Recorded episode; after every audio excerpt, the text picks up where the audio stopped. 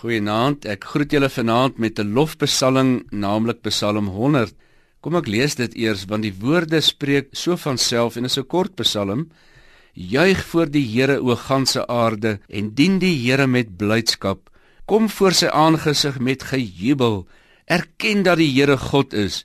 Hy het ons gemaak en ons is syne, sy volk en die skape van sy weide. Gaan sy poorte in met lof sy voorhoewe met lofgesang. Loof hom, prys sy naam, want die Here is goed. Sy goedertierenheid is tot in ewigheid en sy trou van geslag tot geslag. Mag ek jou vanaand vra, wanneer laas het jy in jou gebed deur 'n lofprysing tot God gebid, om groot gemaak, om geprys en geaanbid? Ek bedoel dat jy jou versoeke eenkant toe skuif en woorde van heerlikheid en eer aan hom toedig. As jy nie woorde het nie, lees 'n Psalm soos die een wat ek nou gelees het terug vir die Here. Alhoewel dit sy woord is, kry hy die heerlikheid wat hom toekom. Dawid veral was 'n man wat voortdurend lofprysinge voor die Here gebring het. In sy psalms kan jy sy liefde vir die Here raak sien. Alles word gebore uit sy dankbare hart vir die feit dat die Here vir hom is wat hy is en wat hy ook daagliks beleef.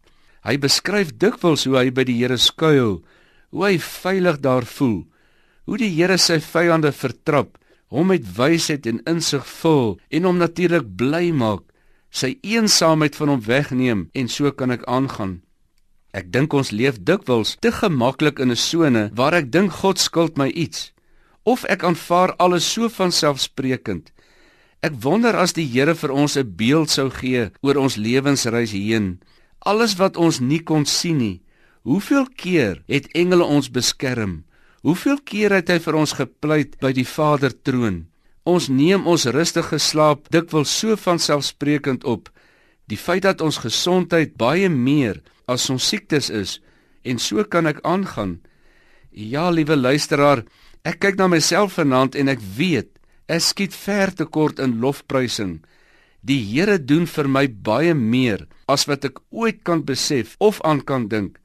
Was dit nie vir sy genade nie, vir sy offer aan die kruis, vir sy onuitputlike en oneindige liefde vir jou en my nie, waar sou ons vandag wees?